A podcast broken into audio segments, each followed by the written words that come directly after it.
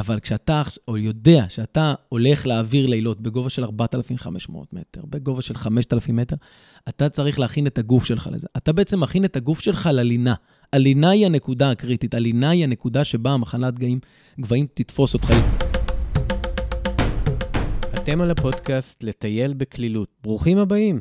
שמח מאוד שבאתם להקשיב. לטייל בקלילות הוא פודקאסט שמתמקד בטרקים, מסעות רב-יומיים, וכל מה שצריך לדעת כדי לצאת למסע הארוך הבא שלכם. כמה ארוך? זה כבר תלוי בכם. נספר לכם על חופש, מסעות, וגם לא מעט על ציוד קל לטרקים.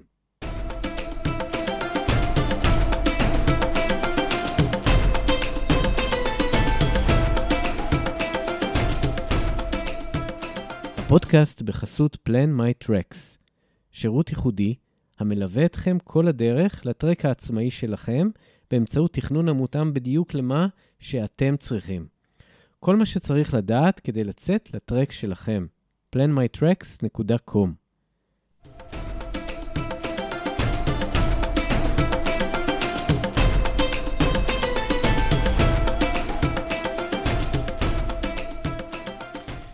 טוב, לטייל בקלילות, פרק 4. היום אנחנו מקליטים במושב מגשימים לא נראה לי שהייתי פה אה, לפני זה. ומארח אותי אה, בבית שלו, הוד סטרלינג? שטרלינג. שטרלינג, וואו, וואו, איך תמיד הייתי בזה. אה, אחד הדברים המגניבים בפודקאסט, שאני לומד את השמות של האנשים בצורה יותר מדויקת. אז אה, אנחנו פה, ובוא תן איזה רקע על עצמך, ספר אה, מה שבא לך על עצמך, קצת שיכירו אותך ממבט על.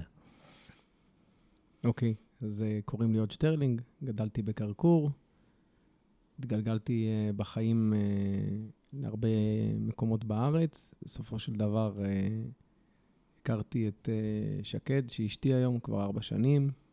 הכרנו בטיול בסין, ומאז גרנו בבאר שבע, בבני עטרות, ועכשיו אנחנו גרים במגשימים. עולם הטיילות, אני לא באמת יודע מתי הוא התחיל אצלי, כי אני גדלתי למשפחה שהיא מטיילת. אבא שלי, אה, יואל שטרלינג, אהב טיולים אה, מגיל אה, מאוד צעיר, והוא בעצם סחף אותי אחריו, ולקח אותי עוד לפני שבכלל, לפני שבכלל הייתה לי איזושהי בחירה. את האהבה לטיולים, אבל למעשה התחלתי מאוד מאוד מאוחר. זאת אומרת, היום שבו אני בחרתי לצאת לבד לטיול ולא אבא שלי לוקח אותי לטיול, וזה היה רק, רק בסביבות הצבא שלי. אז uh, אנחנו פה בעצם באמת כי uh, אני מכיר אותך כמדריך טיולים, uh, דרך החברה שאבא שלך הקים, חברת רדיוס. אז זה, זה הבסיס, זה חברת טיולים משפחתית אולי, נקרא לזה. ספר קצת על, על כל הדבר הזה ואיך זה מתחבר אליך, ונראה איפה אתה נפרד מכל הסיפור הזה והופך להיות אתה עצמך. וואו, זה, זה מורכב וזה ארוך, אבל uh, איפשהו שם uh, בסוף השירות הצבאי שלי הייתי קצין בתותחנים, ואז uh, התחיל לחפש מה אני הולך לעשות, מתכנן את הטיול הגדול לדרום אמריקה, עושה הרבה מאוד תוכניות, וחושב, אולי אני אלך ללמוד הנדסה. אה, בסופו של דבר אני מוצא את עצמי עושה קורס מדריכי סנפלינג, מתחיל לעבוד ברדיוס ובעוד הרבה מאוד חברות סנפלינג נוספות.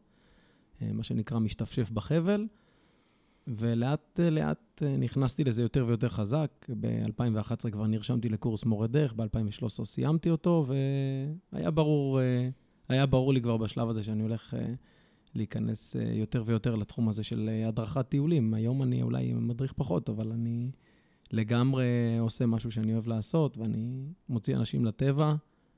זה אז מה, אז מה אתה יותר? אתה יותר מדריך טיולים או אתה יותר טייל? אני חושב שאני יותר מדריך טיולים מאשר טייל. אני אולי, אה, אני מנסה היום לדייק את זה, אבל אני חושב שאני יותר אה, אוהב את עולם הטיילות, אבל אני לא מטייל מספיק, לא מטייל כמו שהייתי רוצה. אה, מבין בזה יותר מאשר מתעסק בזה, בוא נגיד. ואיך זה לעבוד בסביבה של אבא שלך? גם אה, בקטע של כללי של משפחה, וגם, אה, אתה יודע, מי שמכיר את אבא שלך, אז יכול להניח שאולי יש פה איזה אתגר, או אחד או שניים. אבא שלי הוא בחור, אה, בן אדם שיש הרבה מאוד מה לקחת ממנו. אני מאחל לעצמי באמת לדגדג אותו ברמות של הדיוק, של הפדנטיות, של ירידה לפרטים. אני, אני ההפך, אני יותר זורם, חותך עיגולים, חותך פינות, מנסה לקצר תהליכים, לזרז תהליכים, והוא אה, דווקא יותר מהנוברים והבודקים, ואני, הלוואי שאני אהיה כמוהו. הלוואי, באמת הלוואי. אז אני רק אחבר את עצמי פה לכל, ה... לכל העניין הזה של רדיוס. בעצם ככה אני ואתה הכרנו. אני, אני עושה, אני אוהב לעשות uh, דברים לבד, אבל יש דברים שאני לא יודע לעשות בזה חבל. ובאמת היה לי איזשהו חלום uh, uh, לעלות לג'אבל רם, ונתקלתי בסרט שהיה על יום הולדת ההפתעה שעשו לאביך. זה היה ב-60, גיל 60? כן, יום הולדת 60. גיל 60, אה, כל הסרט הזה על ג'אבל רם, שזה, לפחות בסרט נאמר שזה המקום שהוא הכי אוהב בעולם, סביבה, אה, האירוע, אה, הכל הגיע אליי במיילינג ליסט של רדיוס, וכמו שאני בדרך כלל עושה דברים, ידעתי כבר שאני אהיה שם. אה, וכן, ויצאתי, ואתה, נדמה לי, הגעתי לשם אה, במקרה, אה, עקב זה שבדיוק אביך נפצע. הוא היה צריך להיות בטיול הזה, וזו הייתה הפציעה שלו, קצת לפני, ב, בירדן. כן, כן, היה לאבא שלי איזשהו אירוע פציעה לא נעים, ואני הייתי שם. כן, אבל זהו, בעצם הטיול היה אחרי, ואז אה, אה, אתה הגעת במקומו, או משהו כזה. אה, וזהו, ככה הכרתי אותך. אה, בחור קשוח, לא נותן לי להשתולל יותר מדי כמו שאני אוהב. אה, וכן, למדתי לא מעט על איך אתם עושים ומה אתם עושים. למדתי לסמוך עליכם, במיוחד שמדובר שם בהרבה ירידות בחבל. כן, מאז אנחנו הלכנו עוד קצת, הייתי בירדן עם יואל. ובאבו חשב נפגשנו לפני שנה. אה, אז זהו, אז אה, אין ספק שראיתי אה, בן אדם מעניין, והזמן עכשיו מבחינתי זה לבוא ולשמוע את הסיפור שלך, הסיפורים שלך.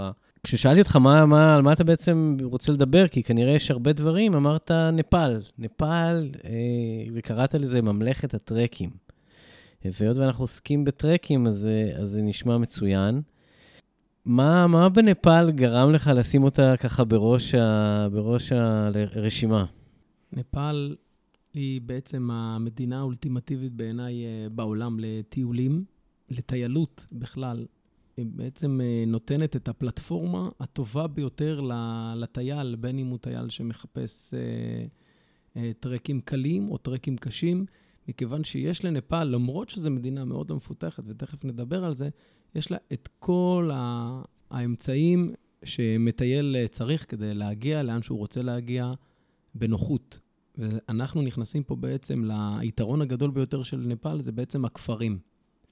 כשאנחנו מדברים על טרקים בנפאל, אנחנו מדברים על טרקים שבעצם בכל לילה, בכל יום, אתה צועד מכפר לכפר, מגיע לכפר, אה, בכפר אחד, אה, ישן, אוכל, קם בבוקר, אוכל ארוחת בוקר, מתחיל ללכת, יכול לאכול ארוחת צהריים בכפר אחר, מגיע לעוד כפר, זאת אומרת, אתה נודד פה מכפר לכפר, מאפשר לך להגיע עד לכפרים בגובה של 4,500 ו-5,000 מטר, ואין דברים כאלה בעולם. לא, לא תמצא.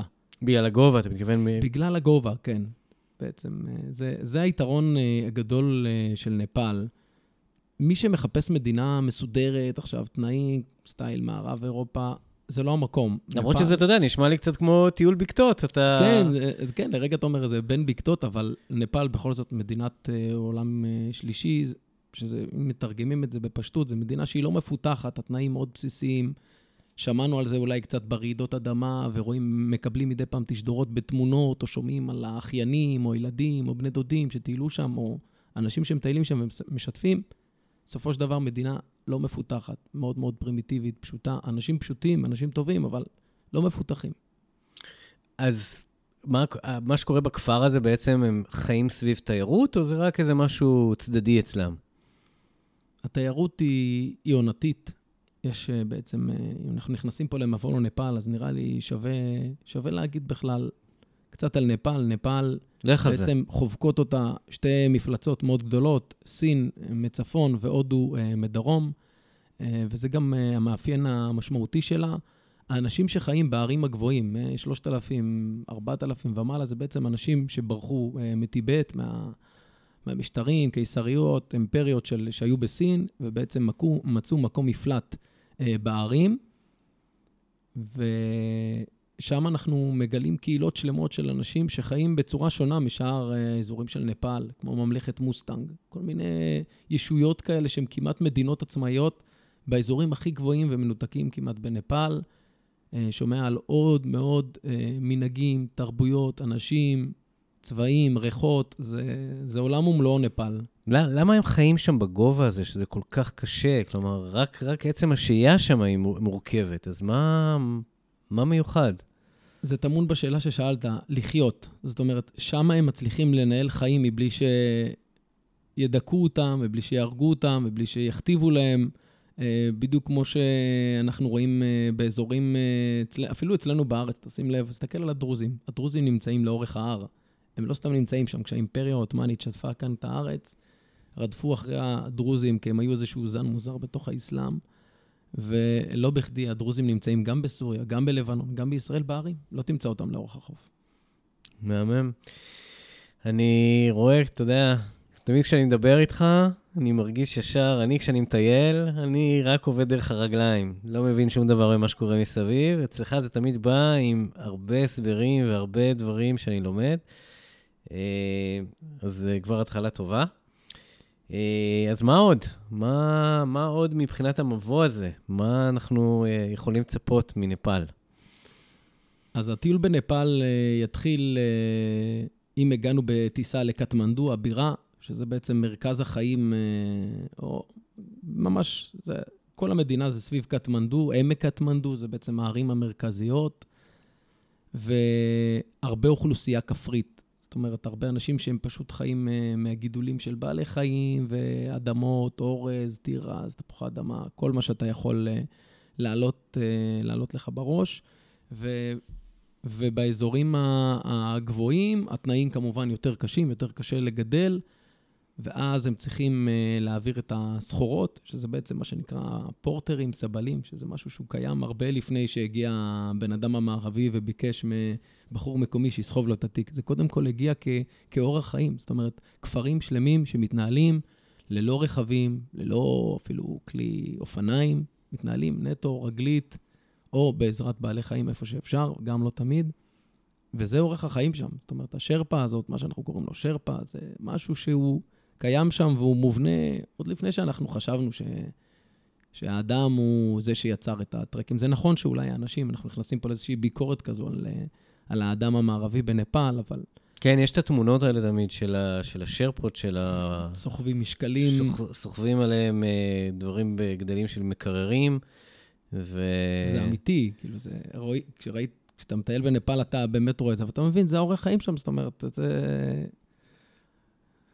זה אורח החיים שם. ככה הם, ככה אותם אנשים, זה אנשים מאוד פשוטים, אלה שבחרו להתפרנס בדרך הזו, וזה מה שהוא יודע שהוא יודע לעשות. אני יודע לשים משקל על הגב ולקחת את זה מנקודה A ולהגיע לנקודה B, והם מסתפקים בזה. הם אנשים מאוד מאוד צנועים.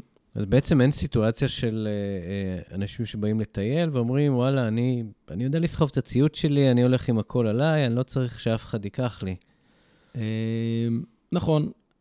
תראה, בנפאל היום לפחות uh, הכל נע סביב, uh, כן, איזה שהם אישורים. זה יותר בא לדעתי כדי לפקח ולראות מי הולך לאיפה, כדי שיהיה להם איזשהו דין וחשבון לתיירים שנכנסים אליהם אה, למדינה ויוצאים לכל מיני מסלולים במקומות מאוד נידחים, כדי שיהיה איזושהי בקרה על לאן הלך מטייל A ולאן הלך מטייל B, וזה שהוא חזר. זאת אומרת, הרעיון של הפרמיטים, אפשר להגיד, שזה דרך אה, של המדינה לגזור אה, כסף על תיירים, אבל אה, אני רואה את זה גם כאיזושהי מערכת שליטה וניהול שהיא כן חשובה, בייחוד במדינה כזאת, שהשליטה בה והניהול בה גם ככה מאוד ראויים, אז שיהיה איזושהי מערכת מינימליסטית שיודעת מי הלך לאיפה. אריה יצא לטרק לאברסט, ועוד הלך לטרק של הלנגטנג והאגמים, ויצאו איתו עוד ככה וככה, ואם חס וחלילה מישהו מהם נאבד או לא זה, אז יודעים, כאילו יודעים באיזה יום הם התחילו, אז יודעים להעריך איפה לחפש אותם, אז זה.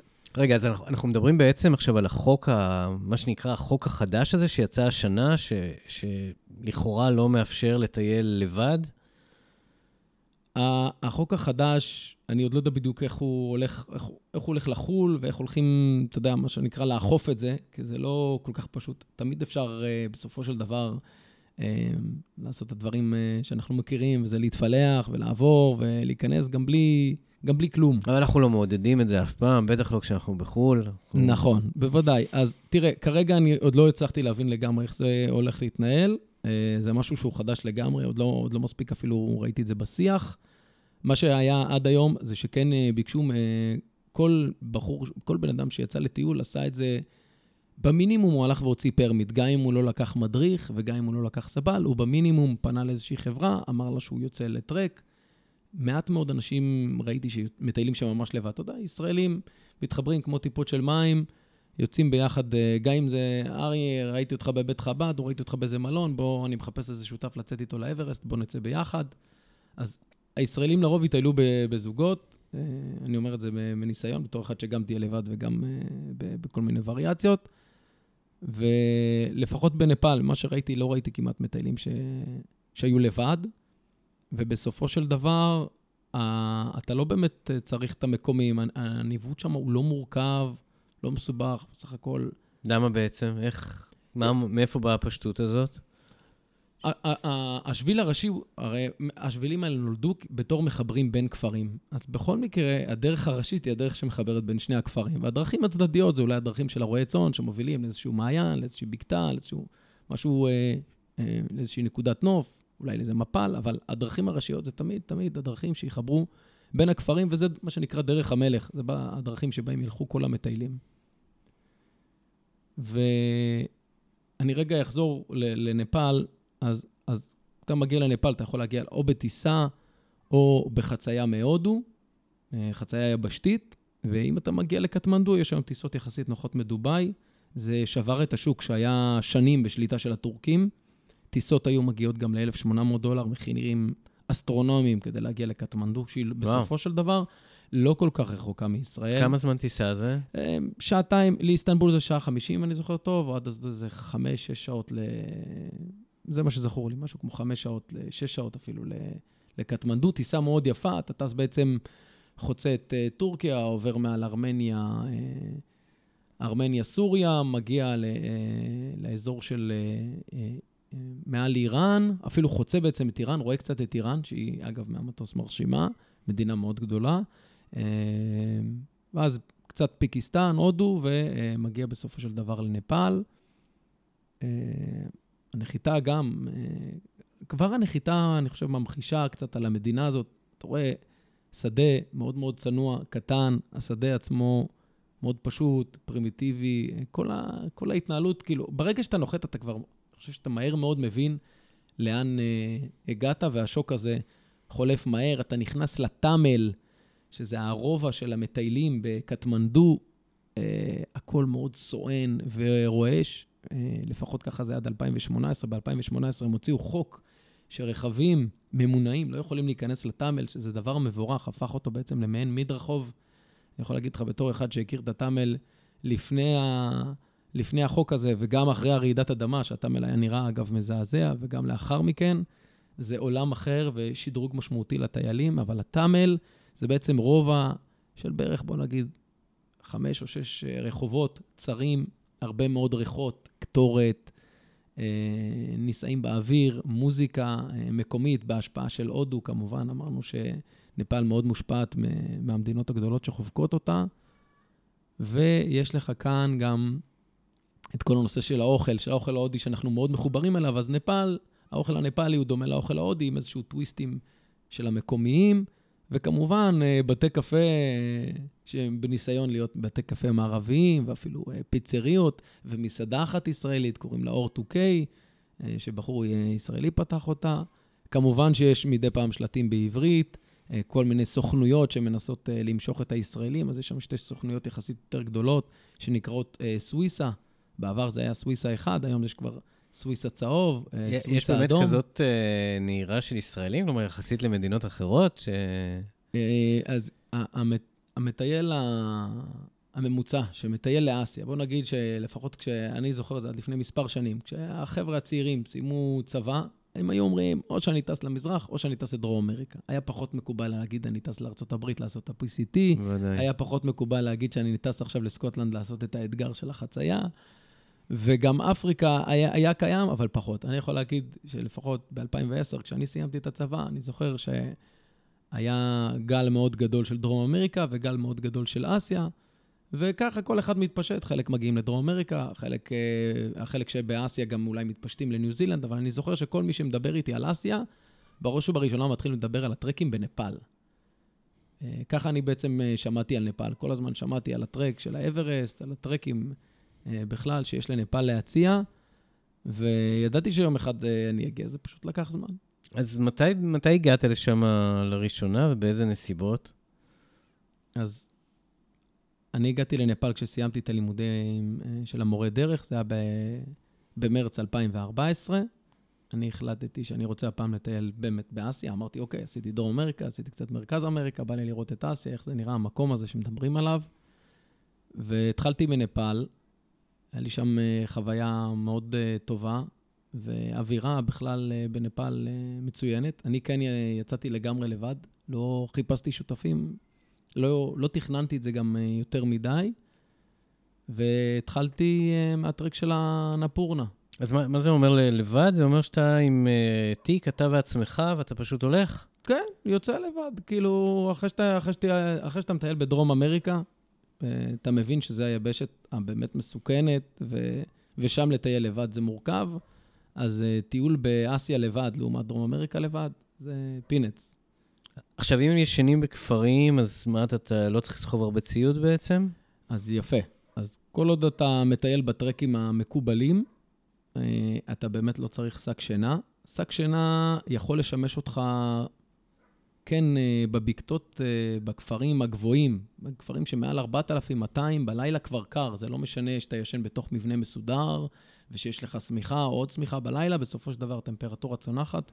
בוודאי אם יש איזושהי מערכת חורפית, עכשיו נכנס איזשהו שקע שמצניח את הטמפרטורות, זה יכול להיות לא נעים.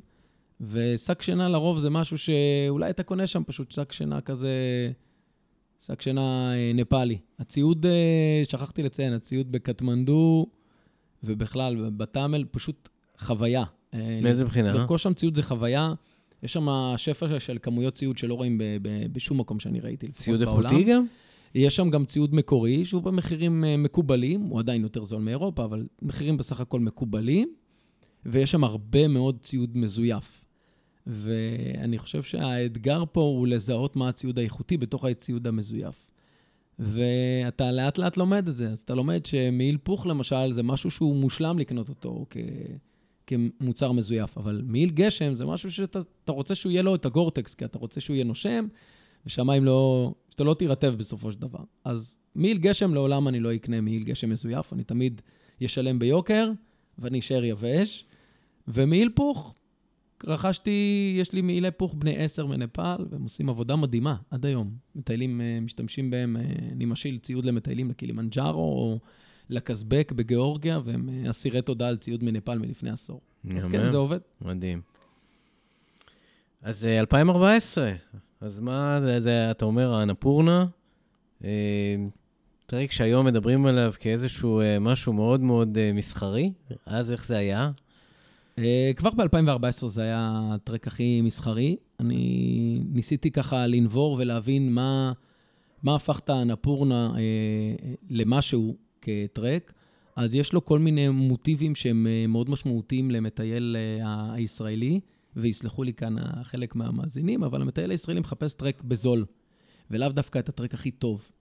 Uh, הוא לא תמיד גם יודע מה הכי טוב, אבל הוא שמע מחבר שהיה שם על האנפורנה, אז הוא אוטומטית מתביית על האנפורנה. והוא פשוט אומר, אני רוצה לעשות את הנפורנה. החלטתי שזה מה שאני אעשה. אני לא אלך עכשיו ויחקור איזה טרקים, מה מאפיין, מה היתרון של האברסט, ומה היתרון של הלנגטנג והאגמים, ומה היתרון של טרק המנסלו, ומה היתרון של טרק הקצ'נצ'ונגה.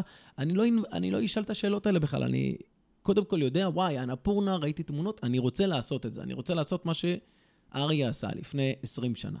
אז אנחנו קודם כל מאוד הרבה מהישראלים, וזה, וזה לטוב ולרע, מאוד הולכים אחרי העדר, זאת אומרת, מקשיבים לאיזשהו טיפ שקיבלנו. יודע, פה לאוזן זה עדיין זה מאוד- ההמלצה הכי טובה זה והכי מאוד נוחה. חזק. אז, אז אנחנו פה בפודקאסט, בפרק היום, נדבר על אה, שלושת המלכים, שלושת הטרקים ה- ה- ה- הגדולים של נפאל, המשמעותיים, אה, המוכרים ביותר לפחות. היום כמובן יש כבר הרבה יותר שעולים לפרסום, אבל נדבר על שלושה טרקים גדולים, ולזה אנחנו אה, לאט לאט עכשיו ניכנס. זה הטרק של האברסט Base Camp, כמובן שהוא האברסט, אה, אה, זה הנקודה המרכזית כאן. הטרק של הלנגטאנג והאגמים, שהוא אה, טרק גם מאוד מעניין, אנחנו נספר את הסיפור שלו.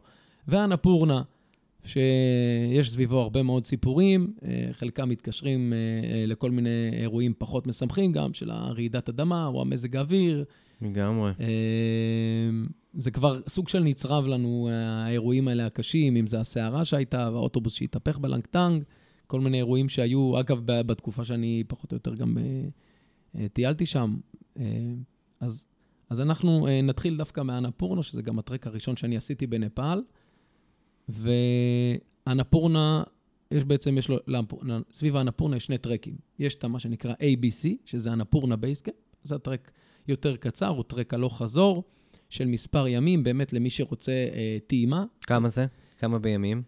אה, אני לא עשיתי אותו, לא רוצה להגיד סתם, אבל כשקראתי את התוכניות לפי מה שראיתי, זה סביב הארבעה ימי עלייה ועוד איזשהו יום וחצי, יומיים ירידה. סביב השישה ימי טרק, זה באמת משהו שהוא יותר light, גם מתאים לאנשים ש...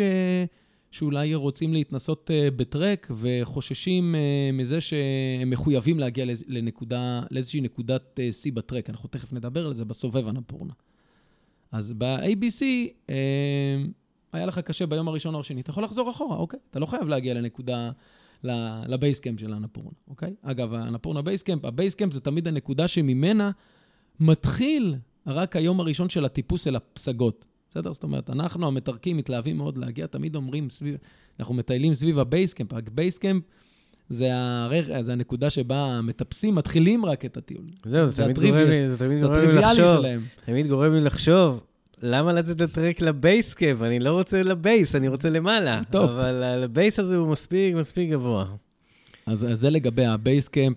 עיר המוצא, אגב, אה, לא אמרנו את זה, זה פוקרה, שזו העיר הגדולה באזור של צפון מערב, אה, צפון מערב נפאל. שמונה שעות נסיעה לא נעימות בכלל מקטמנדו, לפעמים הדרך נחסמת, זה לא שהדרך מסוכנת, אבל לפעמים הדרך נחסמת, ומפולות בוץ, או איזשהו קטע משובש, ופקקים, כי הנסיעה היא פשוט איטית, הרכבים נוסעים לאט. כל הנסיעה בנפאל היא מאוד איטית. אתם תפתחו את המפת גוגל, תעשו עכשיו חישוב נסיעה מקטמנדו לפוקרה, ואתם תגידו, מה, 200 קילומטר, למה זה לוקח 6-7 שעות? זה לוקח גם 8 שעות, עשיתי את זה באוטובוס, זה קשוח. וזאת נפאל, זה חלק מה, מהסיפור הזה של מדינת עולם שלישית. בכל אופן, מגיעים לפוקרה, ומפוקרה יש באמת אופציה לצאת לטרק הזה של ה-ABC, מסלול הלוך חזור, יש אופציה לצאת לטרק שנקרא פוניל, שבאיזשהו אופן הוא גם הסוף של האנפורנה הקדום, הישן בוא נקרא לו. הטרק האמיתי, המקורי של אנפורנה זה טרק של 21 ימים מאוד מאוד ארוך, שבעצם אה, מתחיל ממקום שאני קורא לו ברי סחרוב, אבל זה בסי סחר. ככה אני זכרתי את זה תמיד, ברי סחרוב. אה, ככה לפחות פעם היו מתחילים את הטרק, ומסתיים אה, ממש כמעט בפוקרה. ו-21 ימים אתה צועד, ובאמת מסע מאוד מאוד משמעותי, ואני חושב שזה מה שנצרב בתודעה של הישראלים, הטרק הזה המשמעותי שהם עשו לפני 20-30 שנה, של 21 ימים, חוויה באמת מיוחדת, כי אתה עובר אה, אזורי אקלים, אה, טמפרטורות, גשם, שלג, שמש, חום, ביגוד קצר, ביגוד ארוך, אגמים, מפלים, נהרות, גשרים, דגלים, דגלי תפילה.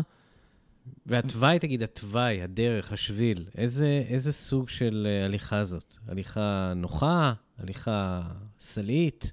אז השביל הזה המקורי של הנפורנו הוא שביל בסך הכל נוח בסופו של דבר. מתי השבילים אה, נעשים מורכבים? ברגע שהייתה איזושהי מפולת בוץ בגלל גשמים, או אה, ירד עכשיו אה, שלג כבד בלילה, שזה רלוונטי בעיקר לגבהים של 4 ומעלה.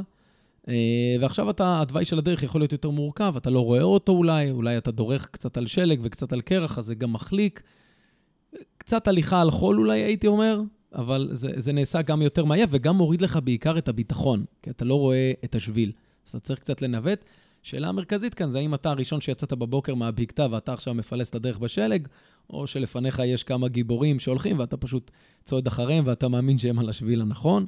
בכל אופן, הטרק הזה של ה-21 ימים כבר לא רלוונטי. אז מה יש היום? לפני, עד לפני עשור היה טרק של, אה, בוא נגיד, כמעט 14 ימים, וגם אותו היו מקצרים. והיום הטרק, אה, בוא נגיד, סדר גודל של 11-12 ימים, וזה מאוד תלוי איפה אתה מתחיל. הכפר המרכזי שנמצא לאורך הטרק הזה, קוראים לו מננג, נמצא בגובה של 3,500 מטר, נקודה מאוד יפה. היום כבר רכבים מגיעים אליה, הדרך הזאת בסך הכל מסודרת, אבל לא מומלץ למתרקים להגיע ולהתחיל טרק בגובה של 3,500 מטר, כי היום... אז באמת ספר מה, מה קורה שם עם הגובה הזה. אז הטרק, הטרק באיזשהו אופן, אני אגיד קצת, קצת מתסכל בהתחלה שלו לפחות, כי אתה בעצם הולך על דרכי עפר, דרכי 4 על 4.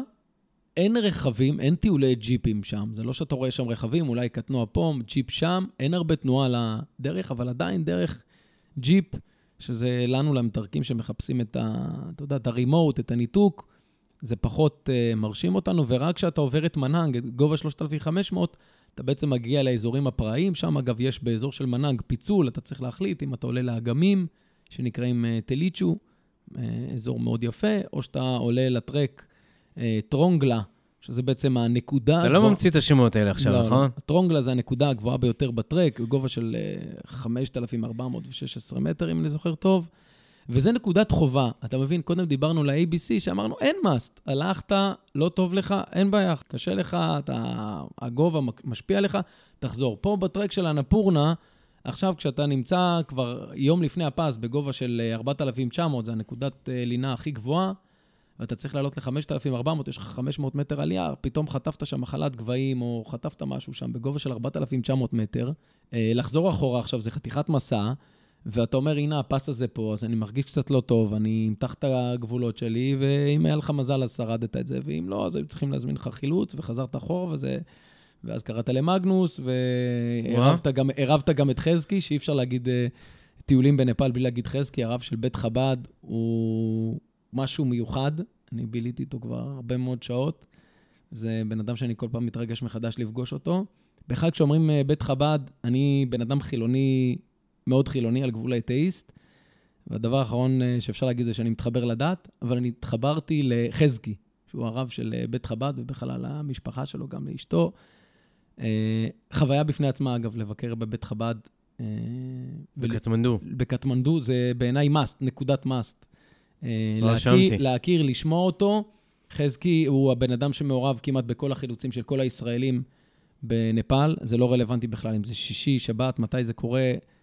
הכל בצד, כשצריך עכשיו לחלץ אה, ישראלי שזקוק לעזרה, הוא יעזוב הכל והוא יגיע, גם אם זה שבת, הוא יהיה זמין לזה. זאת אומרת, יש לו טלפון חירום שזמין בדיוק לחילוצים, אה, והוא מדע. יגיע לאן אה, שצריך. בכל אופן, אני אחזיר אתכם לגובה 3,500 מטר, או אפילו 4,900, אם אנחנו ביום ה... הכי משמעותי, הכי קשה של הטרק, אנחנו קמים ב-6 בבוקר ונדרשים עכשיו לטפס לאט-לאט מגובה של 4,900 ל-5,400 מטר, עלייה של 500 מטר, שכבר אה, כבר לא כיף לנו כל כך, אתה יודע, איבדנו כבר את התיאבון בדרך, קצת לא ישנו טוב בלילה, אה, מרגישים את התשישות, ואחרי הפס הזה, יש ירידה מאוד אכזרית עד לכפר שנקרא אה, מוקטינת בגובה 3,700 מטר. חישוב מהיר במתמטיקה, זה 1,700 מטר ירידה, שזה, אנשים תמיד אומרים, העלייה מאוד מאוד קשה ומעייפת אותי. מעט מאוד אנשים מעסיקים את עצמם במה יקרה בירידה. ולא לוקחים את ה... בחשבון את הירידה, וגם לא מתאמנים אליה מספיק. אז הירידה...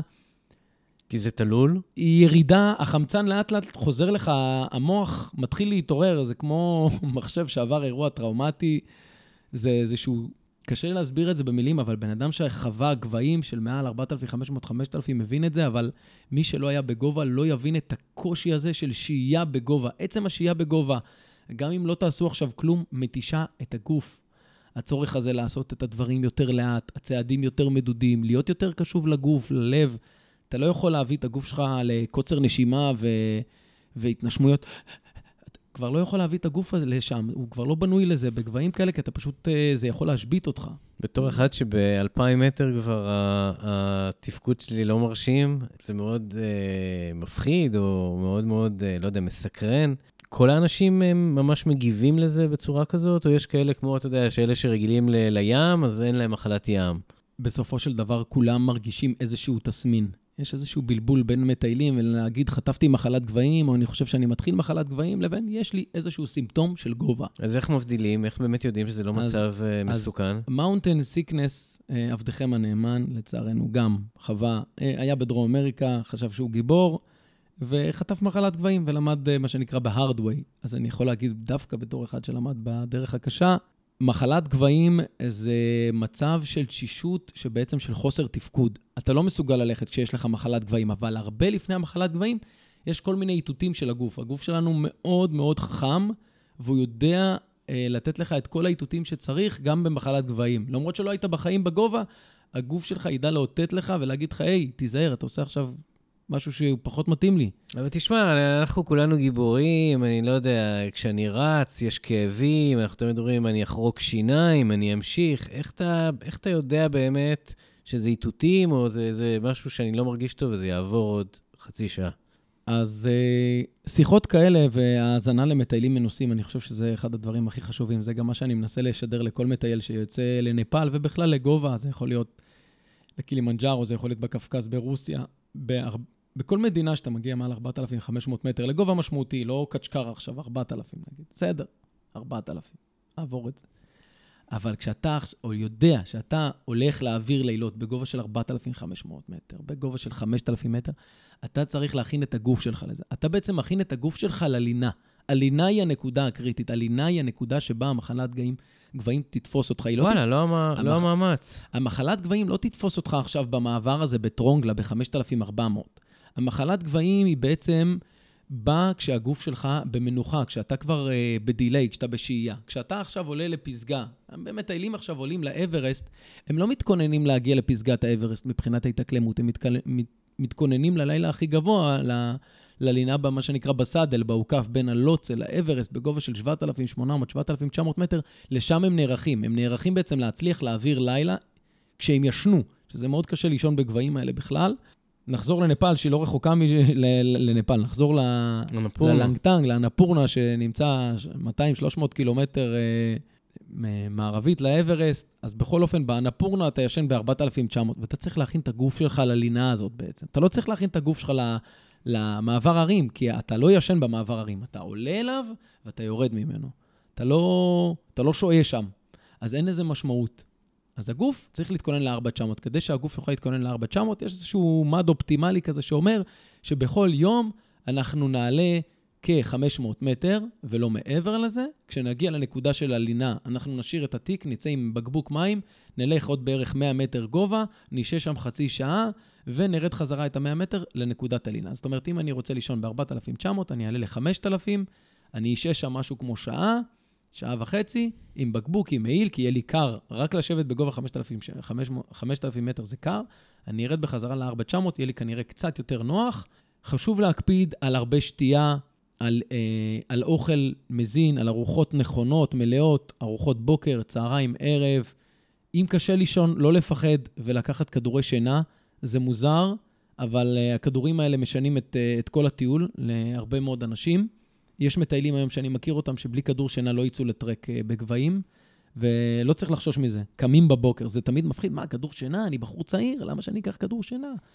אז אתה לוקח את הכדור שינה הזה, ואתה מתעורר בבוקר ואתה אומר, וואו, זה כמו קסם, זה מדהים הכדור הזה. אז בכל אופן, סביב האנפורנה, חזרנו ל- ליום של הפס הזה, שהוא באמת 500 מטר עלייה ועוד 1,700 מטר ירידה למוקטינט, ואז ממוקטינט, כשסיימת את הטרק, קודם כל עברת אזור אקלים, זה מדהים, נכנסת פתאום לאקלים מדברי. ואתה בעצם נמצא באקלים שהוא מאוד מאוד, אה, ג- בטמפרטורות אה, מאוד נמוכות, אבל אתה באזור מאוד יבש, ואז אתה רואה אזורים צחיחים, אתה לא רואה בכלל צמחייה, אבל אתה, אתה כן רואה פסגות מושלגות, וזה מבלבל אותך קצת עם הת... רגע, אבל באופן כל כללי... האזור של ישראל בכלל. באופן כללי, כשאתה עולה לגובה, הצמחייה נעלמת. אז מה, מה זה שונה? אז, אז באנפורנה אתה רואה איזשהו עשב, איזשהו דשא, מה שנקרא צמחייה קרקוצית, ששורדת גם בגבהים אה, בגובה רב ובקור, ופתאום אתה חוצה למוקטינט, זה מדבר אמיתי, זה באמת מוגדר כמדבר בצל גשם. וממש רואים את המעבר הזה. אתה רואה את זה בצמחייה, בעיניים שלך, אתה רואה, אתה מסתכל אחורה, אתה אומר, וואו, האזור הזה נראה A והאזור הזה נראה B, והם לא דומים בכלל. ודווקא האזור הזה של המדבר מצלצל לך, כי אתה יודע איך נראה מדבר.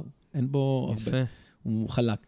אז נסכם אה, כן על הטרק של האנפורנה. הטרק עצמו הוא, הוא יפהפה, הוא בוודאי לא הטרק היפה ביותר בנפאל, אבל אתה צריך לשאול את עצמך את השאלה הבסיסית, ואנחנו ניגע בה גם בהמשך, זה האם אה, אני בא לטייל בנפאל בידיעה שאני אבוא לטייל בה שוב, או שאני בא פעם אחת בחיים שלי לנפאל, ואני רוצה לעשות כאן את הטרק היפה ביותר. אז עוד לא דיברנו על הטרק היפה ביותר ב- בנפאל, ואנחנו ניגע בו בהמשך. אגב, רק עוד מילה אחת על הקטע הזה, שתמיד אני תוהה לגביו. מה זה הקטע כשאומרים מסחרי, הטרק מסחרי? כאילו, זה משהו עם, עם קונוטציה שלילית, אבל אתה, אתה מדבר שבסך הכל הטרק הזה הוא מהמם והוא יפה, אז אה, בוא, בוא נדייק את הדבר הזה. הטרק הוא, הוא יפה, הוא מסחרי בהקשר שהרבה מאוד אה, תיירים עושים אותו. אני חושב שכמה שאני ראיתי במספרים בעבר שראיתי, כמה שהטרק הזה מסחרי, הוא לא מדגדג את האברסט בכמויות שלו. אני לא זוכר אם רבע או שליש, אבל האברסט הוא סדר גודל אחר, משהו כמו 80 אלף אה, מטיילים. בשנה?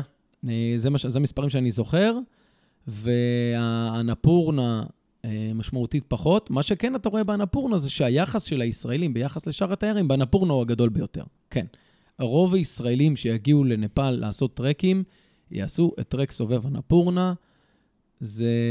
כי, כי זה מה שהם יודעים וזה מה שהם שמעו מהרבה מאוד שנים, אבל נפאל השתנתה מאז הטרק הזה שסיפרו עליו, של ה-21 ימים, ובעיניי אנפורנה היום הוא לא, הוא לא הטרק האולטימטיבי בנפאל. אני מצטער אם אני שובר פה לאנשים קצת אה, מיתוסים או בועות. הטרק יפהפה, לא טרק, זה לא שהטרק לא יפה, הטרק יפהפה, אבל אה, הסוף שלו כבר אה, פגום, כי הרבה דרכים נפרצו שם, הרבה מהמטיילים כבר מחליטים לחזור או בג'יפ בנסיעה מייגעת, או לחזור באיזה טיסה שכל הזמן מתבטלת, אה, עם אה, הרבה מאוד אה, מזל בכלל לעלות עליה, מעיירה שנקראת אה, ג'ונסון.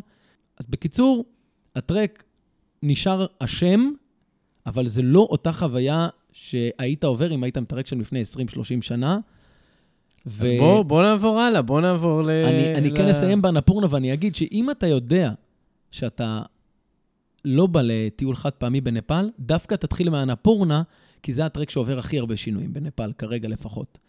זאת אומרת, כל האזורים הכפריים שלו עוברים אה, יותר שינויים ויותר הנגשה בעיקר. זה השינויים. זה לא שבונים עכשיו עוד מלא בתי מלון והטרק הופך להיות כזה אירופאי.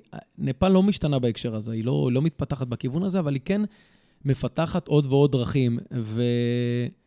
ויש משהו קסום ומיוחד ללכת בין כפר לכפר, כשזה בהליכה על שביל רגלי ולא בדרך ג'יפים. גם בידיעה הזו.